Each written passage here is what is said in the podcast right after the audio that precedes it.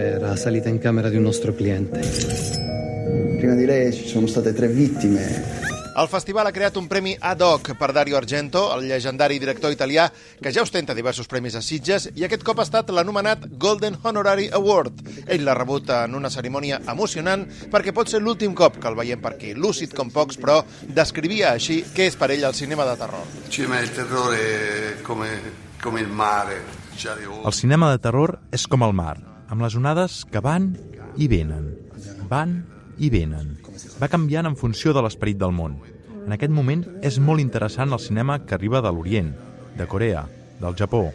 Jo vaig seguint sempre el meu estil, la meva inspiració, i així he inspirat molts altres directors, encara que no fessin pel·lícules de terror.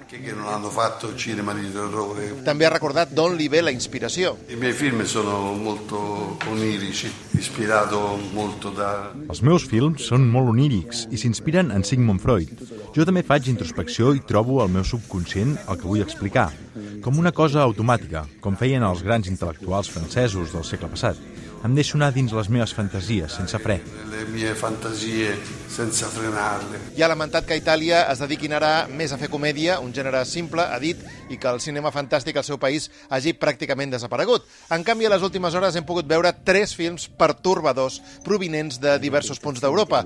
Dos competeixen en la secció oficial i podrien entrar al palmarès. La danesa Speak No Evil, de Christian Tafdrup, terror familiar estil Funny Games però menys explícita, i la francesa Summer Scars, òpera prima de Simon Reed sobre la relació sobrenatural entre dos germans inquietants. La tercera proposta ha fet brillar la secció Noves Visions, l'alemanya Piaf, també debut darrere la càmera Dan Oren, bellíssima faula sobre la identitat de gènere.